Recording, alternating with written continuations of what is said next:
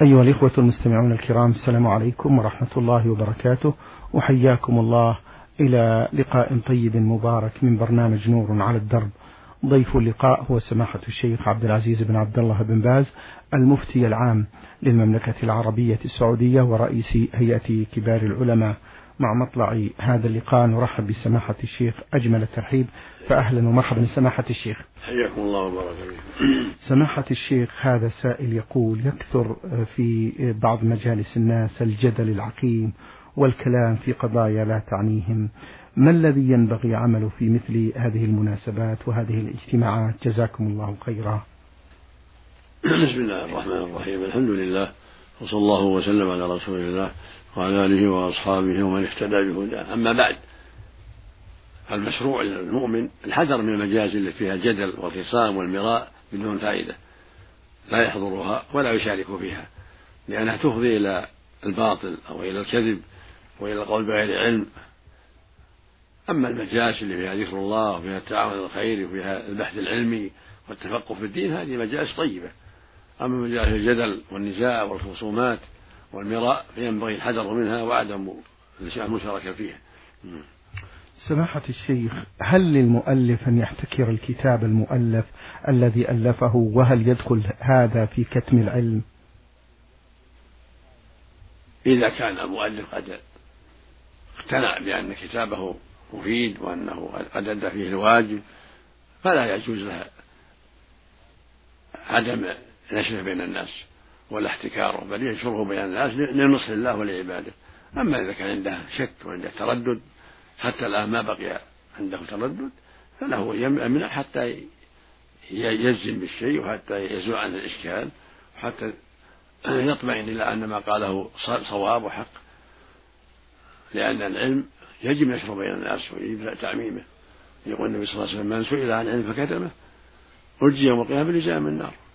والله يقول سبحانه في كتابه العظيم إن الذين يكتمون ما أنزلنا من البينات والهدى من بعد ما بيناه للناس في الكتاب أولئك يلعنهم الله ويلعنهم اللاعنون إلا الذين تابوا وأصلحوا وبينوا فأولئك أتوب عليهم وأنا التواب الرحيم. إذا كان عنده علم بصيرة واقتنع بأن هذا مما شرعه الله أو مما دل عليه الكتاب أو السنة الصحيحة فلا يكتب ولا يحتقد ولا يحتجر شيئا بل يبثه بين الناس وينشره بين الناس رجاء أن ينفع الله به العباد.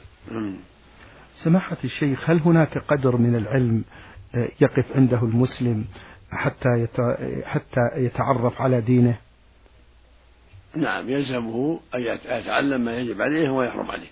والبقية سنة. يلزمه يتعلم ما لا يسعه جهله. يعني ما يعرف ما أوجب الله عليه وما حرم الله عليه. حتى يعبد ربه على بصيرة. لأن الله يقول وما خلقت الجن والإنس إلا ليعبدون. وهذه العبادة التي خلقوها لا بد أن يعرفوها حتى يؤدوها. ولا طريق إلى معرفتها إلا بالله ثم بالعلم النافع. بالنظر في كتاب الله وسنة رسوله صلى الله عليه وسلم وسؤال أهل العلم كما قال تعالى فاسألوا أهل الذكر فاسألوا أهل الذكر إن كنتم لا تعلمون. فالواجب على كل مسلم وعلى كل مسلم أن يتعلم ما لا يسعه جهله ويتفقه في الدين حتى يعلم ما أوجب الله عليه وما حرم الله عليه وحتى يعبد الله على بصيرة. فهو مخلوق للعبادة مأمور بها. فلا بد أن يتعلم هذه العبادة التي هو مخلوق لها وذلك بمراجعة القرآن العظيم والسنة المطهرة وسؤال العلم عما أشكل عليه. أحسن الله إليكم. سماحة الشيخ عطل البعض من الناس فريضة الأمر بالمعروف والنهي عن المنكر. نعم. أقول عطل البعض من الناس فريضة الأمر بالمعروف والنهي عن المنكر بل وجد من يخذل من يقوم بهذا العمل. هل لكم توجيه ونصيحة حول أهمية هذا الفرض؟ أقول عطل البعض من الناس فريضة الأمر بالمعروف والنهي عن المنكر بل وجد من يخذل من يقوم بهذا العمل. هل لكم توجيه حول هذه الفريضة؟ نعم هذه الفريضة من أهم الواجبات. الله سبحانه أوجب على أهل الإيمان الأمر بالمعروف والنهي عن المنكر. وجعل ذلك من أسباب صلاح الجميع. قال تعالى والمؤمنون والمؤمنات بعضهم أولياء بعض. يأمر بالمعروف وينهى عن المنكر. فجعله من إيمانهم كالصلاة والزكاة. قال تعالى كنتم خير أمة أخرج للناس. تأمر بالمعروف وتنهى عن المنكر. وتوعد بني إسرائيل ولعنهم على كفي على عدم تناهيه من المنكر. فقال سبحانه لعن الكفر من بني إسرائيل على لسان داود وعيسى بن مريم ذلك بما عصوا وكانوا يعتدون. كانوا لا يتناهون عن منكر يفعلوه لبئس ما كانوا يفعلون. وروي عنه عليه الصلاة والسلام أنه قال لا تأمرون بالمعروف ولا تنهون عن المنكر ولا تأخذون على يد السفيه ولا تأطرن على الحق أطرا أو لا يضربن الله بقلوب بعضهم على بعض ثم يلعنكم كما لعنهم. وثبت عنه عليه الصلاة والسلام أنه قال إن الناس إذا رأوا المنكر فلم يغيروه أوشك أن يعمهم الله بعقاب نسأل الله العافية. ويقول جل وعلا ولتكن منكم أمة يدعون إلى الخير ويأمرون بالمعروف وينهون عن المنكر. يعني فرض كفاية. إذا قام في المحلة المعينة من يكفي سقط عن الباقي. إذا كان في قرية أو في قبيلة أو في هجرة أو في أي محل وقام به بهذا الواجب من يكفي صار في حق الباقين سنة من باب التعاون البر والتقوى. لأن المقصود حصل وهو أن هذا قام به نهاهم فانتهوا. إذا نهاهم عن المنكر فانتهوا حصل المطلوب. نعم. أحسن الله إليكم سماحة الشيخ. طالب العلم المبتدئ ما هو أفضل له أن يلتزم شيخا واحدا أم يأخذ أكثر من شيخ؟ لا أعلم في هذا شيء منصوصا لكن طالب العلم يتحرى يتحرى من هو أقرب إلى أن يفهم كلامه ومن هو أعرف بالدين وأعلم باشتهاره بين المسلمين بأنه صاحب سنة وصاحب بصيرة وصاحب علم يتحرى من العلماء يظهر بين المسلمين ويشتهر بين المسلمين علمه وفضله واتباعه السنة حتى يستفيد من علمه ويستفيد من توجيهاته. ولا يقتصر على واحد. إذا عرف أن هذا وهذا من أهل السنة وأن وأنهم علماء حق فالحمد لله إذا أخذ عن هذا وعن هذا قد يكون أخذه عن زيد أنفع له من عمرو. قد يكون من عمرو أنفع له من زيد يتحرى ويستفيد من الجميع من زيد وعمرو. يعني من علماء زمن وقته وعلماء بلده. فقد يستفيد من هذا أكثر من هذا. وقد يكون هذا أحسن بيانا من الآخر. فلا يقتصر على واحد. ما دام من أهل السنة وأهل الخير سمعتهم طيبة معروفون بالعقيدة الطيبة والسمعة الحسنة والعلم يأخذ منه لا بأس يحضر هذا ويحضر هذا. يستفيد من هذا ويستفيد من هذا. كله طيب. وهذا من باب الحيطة للدين كونه يسمع من هذا ومن هذا من أهل السنة والجماعة حتى لا يفوته شيء مما يجب عليه. فإن بعض الأساتذة قد يفوت عليه بعض الشيء قد يشغل عن بعض المسائل فإذا استفاد من هذا وهذا وهم كلهم من أهل السنة فهذا أكمل وأحسن. أحسن الله إليكم سماحة الشيخ. ما رأي سماحتكم لو وجد موسوعة فقهية شاملة على المذاهب الأربعة؟ هل تفي بغرض المتعلم سماحة الشيخ؟ يوجد موسوعات لكن ما كل موسوعات تكفي. لابد يحتاج إلى الدليل و... لأن الموسوعات قد يكون فيها الدليل كافيا وقد لا يكفي. فإذا وجد موسوعة فيها إقامة الدليل واستفاد منها خير عظيم. المقصود أنه لا يكتفي بموسوعة أو كتاب حتى يقتنع بوجود النص الكافي إذا كان من أهل العلم. أما إذا كان من العامة يسأل أهل العلم. لكن طالب العلم يعتني يطالع الكتاب الفلاني والفلاني حتى تتم الفائدة. ولا يكتفي موسوعة ألفها فلان أو فلان. قد يكون قصر في الأدلة. قد يكون تساهل في الأدلة. فطالب العلم يعتني يراجع مثل صحيح البخاري صحيح مسلم سنن الأربع وسنن أحمد حتى يقف على السند الصحيح الذي تقرأ به الذمة. وإذا كان صاحب الموسوعة قد بسط الكلام وأوضح الأدلة الشرعية فهذا لا بأس. إذا اقتنع نعم. أحسن الله إليكم وبارك الله فيكم وفي علمكم. بمناسبة قرب امتحانات النصف الأول سماحة الشيخ هل من كلمة للطلاب والطالبات؟ بمناسبة قرب امتحان النصف الأول هل من كلمة للطلاب والطالبات؟ نعم نوصي الجميع بتقوى الله جل وعلا والعناية بالدروس والاستعداد الكامل والمذاكرة بينهم ومراجعته مراجعهم. حتى يستفيدوا حتى ينجحوا إن شاء الله. ونوصيهم بالحذر من الغش. فإن الغش لا يجوز في جميع المواد لا في المواد الدينية ولا في غيرها. يجب الحذر من الغش. يقول النبي صلى الله عليه وسلم من غشنا فليس منا. فالواجب الحذر. فلأن الغش يترتب عليه شر كثير.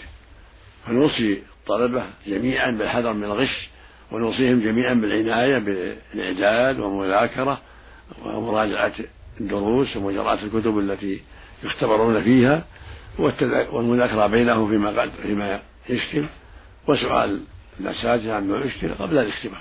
حتى إذا جاء الاختبار فإذا هو قد هيأ, هيأ نفسه. نعم. أحسن الله إليكم. سماحة الشيخ انتشرت آه، بين الطلبة هذه الورقة وهل هذا صحيح؟ مكتوب علاج ضيق الصدر أيام الامتحانات آه، نضع اليد على الصدر ويقرأ الفاتحة ثلاث مرات. يقول انتشر بين الطلبة أيام الامتحانات هذه الورقة علاج ضيق الصدر أيام الامتحانات وهي آه، نضع اليد على الصدر ويقرأ الفاتحة ثلاث مرات يقرأ آية الكرسي ثلاث مرات يقرأ من قوله تعالى آمن الرسول بما أنزل إليه من ربه من سورة البقرة إلى آخر الآيات ثلاث مرات ويقرأ آخر آيتين من سورة الحشر ثلاث مرات. ويقرأ أول عشر آيات من سورة الصافات آخر آيتين من سورة القلم سورة الكافرون والصمد والمعوذتين كل واحدة ثلاث مرات. ويقرأ الدعاء أذهب البأس رب الناس اشفي أنت الشافي لا شفاء إلا شفاؤك شفاء لا يغادر سقما سبع مرات. والدعاء أسأل الله العظيم رب العرش العظيم أن يشفيني لمدة ثلاثة أيام. هذه الدعوات وهذه الأمور هل هي واردة يا شيخ؟ ترتيب ما هو على هذا الترتيب. لكن يسأل ربه الشفاء والحمد لله. يسأل ربه اللي ورد رب الناس إذ الباس واشفي عند الشافي لا شفاء إلا شفاءك. شفاء لا يغادر ما يكرر ثلاث مرات. بسم الله أرقيك من كل شيء يؤذيك من شر كل نفس أو عين حاسد. الله يشفيك. بسم الله يرقيك إذا كان ثلاث مرات لا بأس. قل قل هو الله أحد المعوذتين كررها ثلاث مرات صباح ومساء وعند النوم هذا وارد. طيب. المقصود أن يتحرى الوارد فقط. أما من كيسه يرتب أشياء من كيسه ما عليها دليل. لكن إذا تحرى الوارد في الأدلة الشرعية في كتب الأذكار وكتب الأدعية الحمد لله. نعم. أيضا ذكر للمرأة أيضا دعاء عندما تعاني من ألم الدورة يضع اليد على الألم ويقرأ الفاتحة سبع مرات. لا أعرف الأصل أقول لا أعرف لهذا أصلا. نعم. أحسن الله إليكم وبارك فيكم سماحة الشيخ. سماحة الشيخ حلق جمعية آه، تحفيظ القرآن الكريم في هذا البلد المبارك. نفع الله بها نفعا عظيما. بماذا توجهون معلمي هذه الحلق وطلابها؟ نعم. حلق جمعية تحفيظ القرآن الكريم في هذا البلد المبارك. نفع الله بها نفعا عظيما. بماذا توجهون معلمي هذه الحلق وطلابها؟ نوجههم نوصيهم بتقوى الله. نوصيهم بتقوى الله والاستمرار في هذا الخير والصبر على هذا الخير والإخلاص لوجه الله جل وعلا في التعلم والتعليم. لأن تعلم القرآن وحفظ القرآن من أهم القربات ومن أفضل القربات. فنوصي جميع المعلم والمتعلم نوصيهم بتقوى الله والعمل بما بما علموا والإخلاص لله في العمل حتى يبارك الله في أعمالهم وحتى يوفقوا في أعمالهم. أي هو الطالب يتعلم ليستفيد ويعمل. والمعلم يقصد وجه الله في تعليم الطالب وتوجيهه إلى الخير يرجو ما عند الله من المثوب وإن أخذ أجرة يرجو ما عند الله ويحتسب الأجر وينصح في تعليمه ويجتهد في الأسباب التي توصل المعلومات إلى الطالب وتستقر في ذهنه. هذا يتقي الله وهذا يتقي الله. ويكون فيه ويكون عند كل واحد إخلاص في ربه في الخير وأن يتعلم ما يرضي الله ويقرب لديه وأن يستعين بما أعطاه الله من علم على طاعة الله. نعم. أحسن الله إليكم سماحة الشيخ. وقع كثير من الناس في ديون كثيرة. ما نصيحتكم للتاجر والمدين وغيرهم في هذه الأمور سماحة الشيخ؟ وقع كثير من الناس في ديون كثيرة. ما نصيحتكم للتاجر وما نصيحتكم للمدين وغيرهم؟ النصيحة أن الإنسان يجتهد في اقتصاد عالم الدين ويفرح بما أغناه الله عن الدين مهما أمكن. وإذا احتاج للدين فيكون عنده نية أن الله أنه يسدد الدين وأنه يجتهد في سداد الدين إذا اضطر إليه. يقول النبي صلى الله عليه وسلم من أخذ أموال الناس يريد أداءها أدى الله عنه ومن أخذها يريد إتلافها أتلفه الله. فليجتهد في النية الصالحة وليستدين الذي تدعو الضرورة ولا يستكثر من الدين فإن قد يعجز عن الأداء. فينبغي له الاقتصاد في أموره وتحري آه، الاقتصاد في ملبسه ومأكله ومشربه وغير ذلك حتى لا يحتاج للدين الكثير.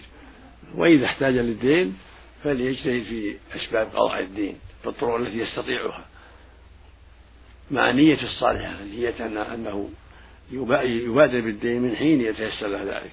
لا يستساهل يعني يكون عنده نية صالحة أنه يعمل ويجتهد لقضاء الدين. نعم. أحسن الله إليكم. سماحة الشيخ كثير من الناس يكتب في وصيته وقفا ثم تتعطل منافع هذا الوقف ويحصل النزاع بين الورثة حول هذا الوقف. بماذا تنصحون المسلم؟ كثير من الناس سماحة الشيخ يكتب في وصيته وقفا ثم تتعطل منافع هذا الوقف ويحصل النزاع بين الورثة حوله. لماذا تنصحون المسلم إذا أراد, إذا أراد أن يكتب وصيته؟ لا سيما إن كان من أهل الأموال. يوصي بالشيء الذي يناسب يوصي بالثلث بالربع بالخمس في وجوه البر وأعمال الخير. وإذا كان في الذرية محتاج يعطى من الغلة حتى لا يكون لا يقع النزاع يوصي بالثلث بالربع بالخمس في وجوه البر وأعمال الخير. وإذا جاءت في ضحية لا بأس. وإذا قال من يحتاج من ذريته يعطى قد لحاجته فلا بأس. أو من أقاربي حتى لا يقع يكون الشباء واضح على بصيرة بين للناظر الذي يتولى الوقف حتى يفرق غلته على الوجه الذي بينه في الوصية في على وجه واضح لا في مسألة الشبهة. لأن بعض الناس قد يشدد في وصيته وقد يقول للورثة الباقي ثم يحصل مشقة بينهم. قد لا يبقى إلا قليل ثم يبطن ويروح بطن ويتوالى الناس يكثرون فيحصل مشقة كبيرة. لكن إذا قال في غلة مثل ما قال الزبير بن العوام رضي الله عنه وجماعة في وصيتهم وابن عمر للمحتاج من الذرية. إذا قال المحتاج من الذرية يعطى من غلة الوقت كذا وكذا هذا لا بأس. أحسن الله إليكم سماحة الشيخ. فيما يتعلق في تخريج الأحاديث سماحة الشيخ وتعديل الرواة وتجريحهم. هناك من يرى أن باب علم الرجال معلق أو انتهى من قديم. كيف ترون ذلك؟ سماحة الشيخ. فيما يتعلق في تخريج الأحاديث وتعديل الرواة وتجريحهم هناك من يرى أن باب علم الرجال معلق أو انتهى من قديم. كيف ترون ذلك؟ لا هذا ليس بصحيح. بل, بل علم الرجال والنظر في الأحاديث باقي ولم مضى ولم يمضي بل لا يزال. أهل العلم عليه من يعتنوا بهذا ويراجع الأحاديث ويميز بين صحيحها وسقيمها ويرشد الناس إلى ذلك ولا يقف عند ذكر فلان أو فلان بل يتابع. مثل المنتقى مثل بلوغ المرام مثل السنن الأربعة مثل مسند أحمد. يراجع, يراجع الأسانيد يعتني بها ويعرف صحيحها من سقيمها. حتى يستفيد من ذلك ويفيد غيره. هذا هكذا شأن طالب العلم الذي قد وفقه الله لمعرفة الأحاديث ومعرفة أسانيدها ومعرفة أحوال الرجال واشتغل بهذا الشيء يكون فيه فائدة عظيمة. له ولغيره أحسن الله إليكم سماحة الشيخ.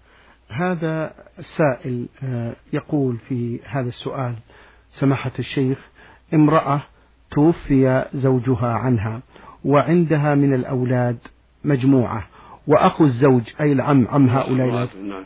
امرأة توفي عنها زوجها وعندها منه أولاد. نعم. وأخو الزوج يعطيهم كل شهر مصروف مبلغ 1500 ريال. والشركة التي كان يعمل بها الزوج أي والد هؤلاء الأطفال من باب إكرامهم له يعطون الزوجة من زكاة الشركة كل عام وقد امتنعت هذه المرأة عن أخذ هذه الزكاة.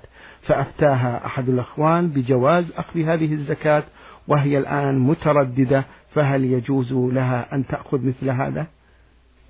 إذا كانت التركة فيها ما يكفي يجب أن ينفق عليهم من التركة من من حق من حقهم من مالهم. ينفق عليها من مالها وإن كان وأولادها كذلك. تعيد السؤال أيضا؟ نعم. امرأة توفي زوجها وعندها منه أولاد. وأخو الزوج أي العم سماحة الشيخ يعطيهم كل شهر مصروف وهو مبلغ 1500 ريال من عنده. والشركة التي كان يعمل بها الزوج من باب إكرامهم لهذا الرجل المتوفى يعطون الزوجة من زكاة الشركة كل عام. وقد امتنعت عن أخذ هذه الزكاة. لا تأخذ شيء ما دام الوكيل عنده ما يكفي الحمد لله. ينفق عليهم قدر كفايتهم وتعتبر هي مكفية هي وأولادها بما يعطيها الوكيل يعني. وإذا كان عندها حاجة تقول الوكيل يرفع يرفع المقرر يزيد في المقرر. لبعض الناس عندهم توسع في التصرفات وفي الملابس وفي غيرها زيادة على الحاجة. فإذا كان أن الوكيل قصر عن الوسط وعن الحاجة تطلب منه الزيادة. حتى لا لا تأخذ الزكاة وهي ليس من أهل الزكاة لا هي ولا أيتامها الزوج سماحة الشيخ ليس عنده تركة وإنما هذا العم يعطيهم من عنده من عند أمواله. يعني من ماله؟ من ماله الخاص. ما عنده وصية نعم يا شيخ. هل تأخذ أيضا؟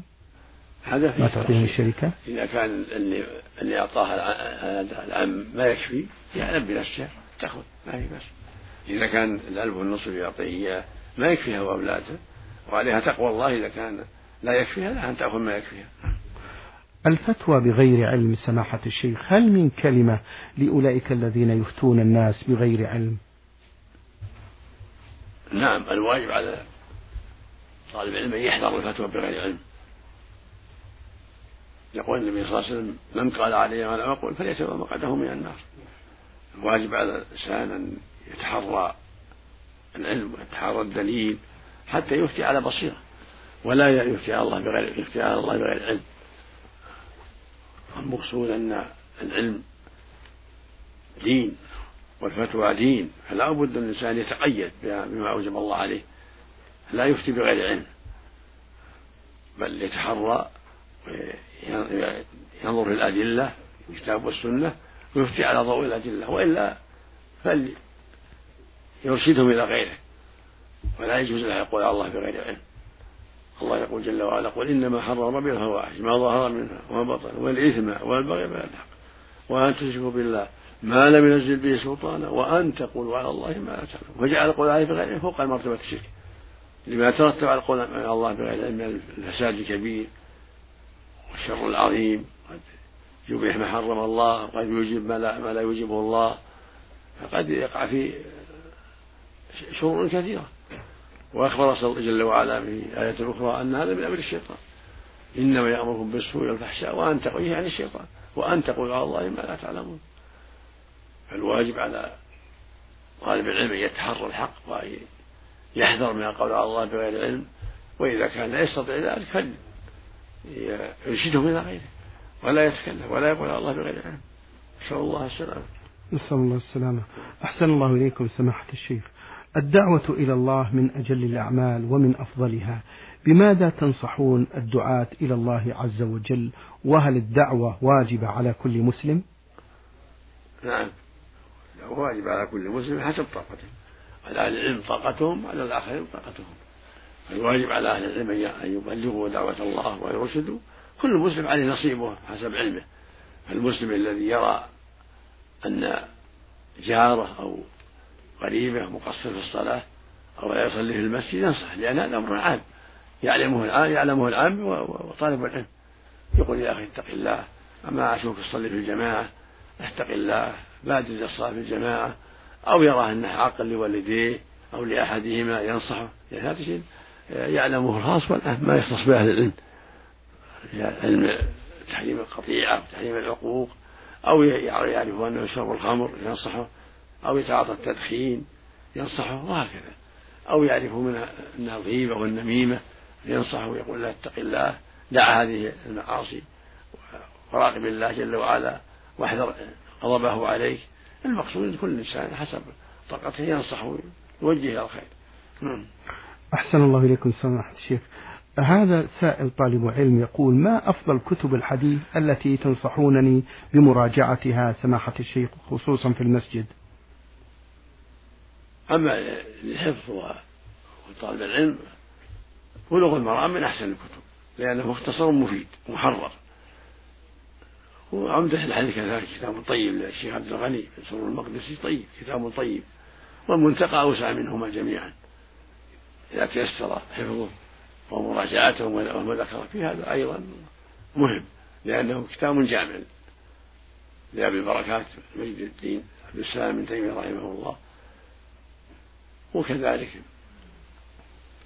من الكتب النافعة الخمسين النووية التي كملها ابن رجب يعني أربعين لنووي 42 لنووي كملها بثمانية حديث ابن رجب رحمه الله. صارت خمسين.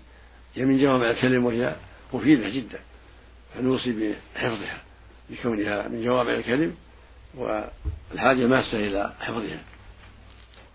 الله المستعان. الله المستعان. جزاكم الله خيرا.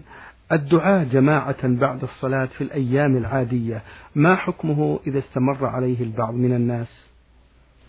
هذا من البدع. هذا من البدع. الإنسان يدعو ربه وحده ما يحتاج يجمع وياه وياه يدعو من واحد لا. كل واحد فرغ من الصلاة يأتي بالتذكار الشعيرة ويدعو. على بينه وبين ربه.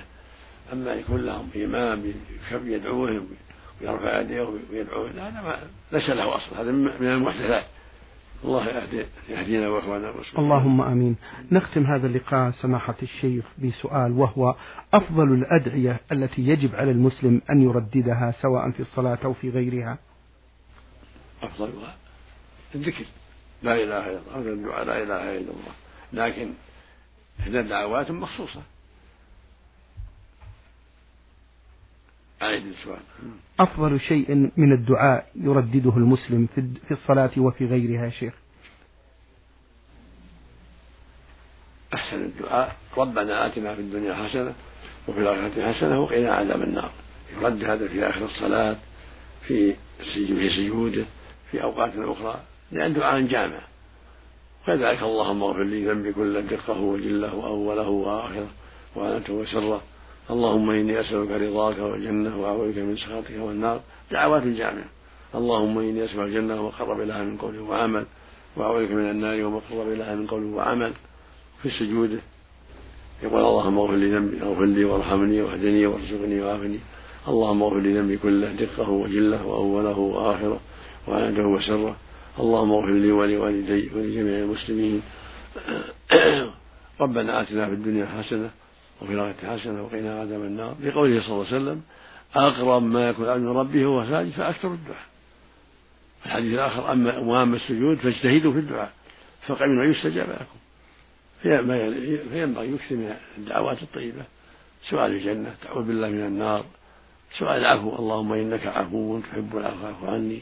اللهم أصلح قلبي وعملي. اللهم اغفر لي ولوالدي. يتحرى الدعوات المناسبة.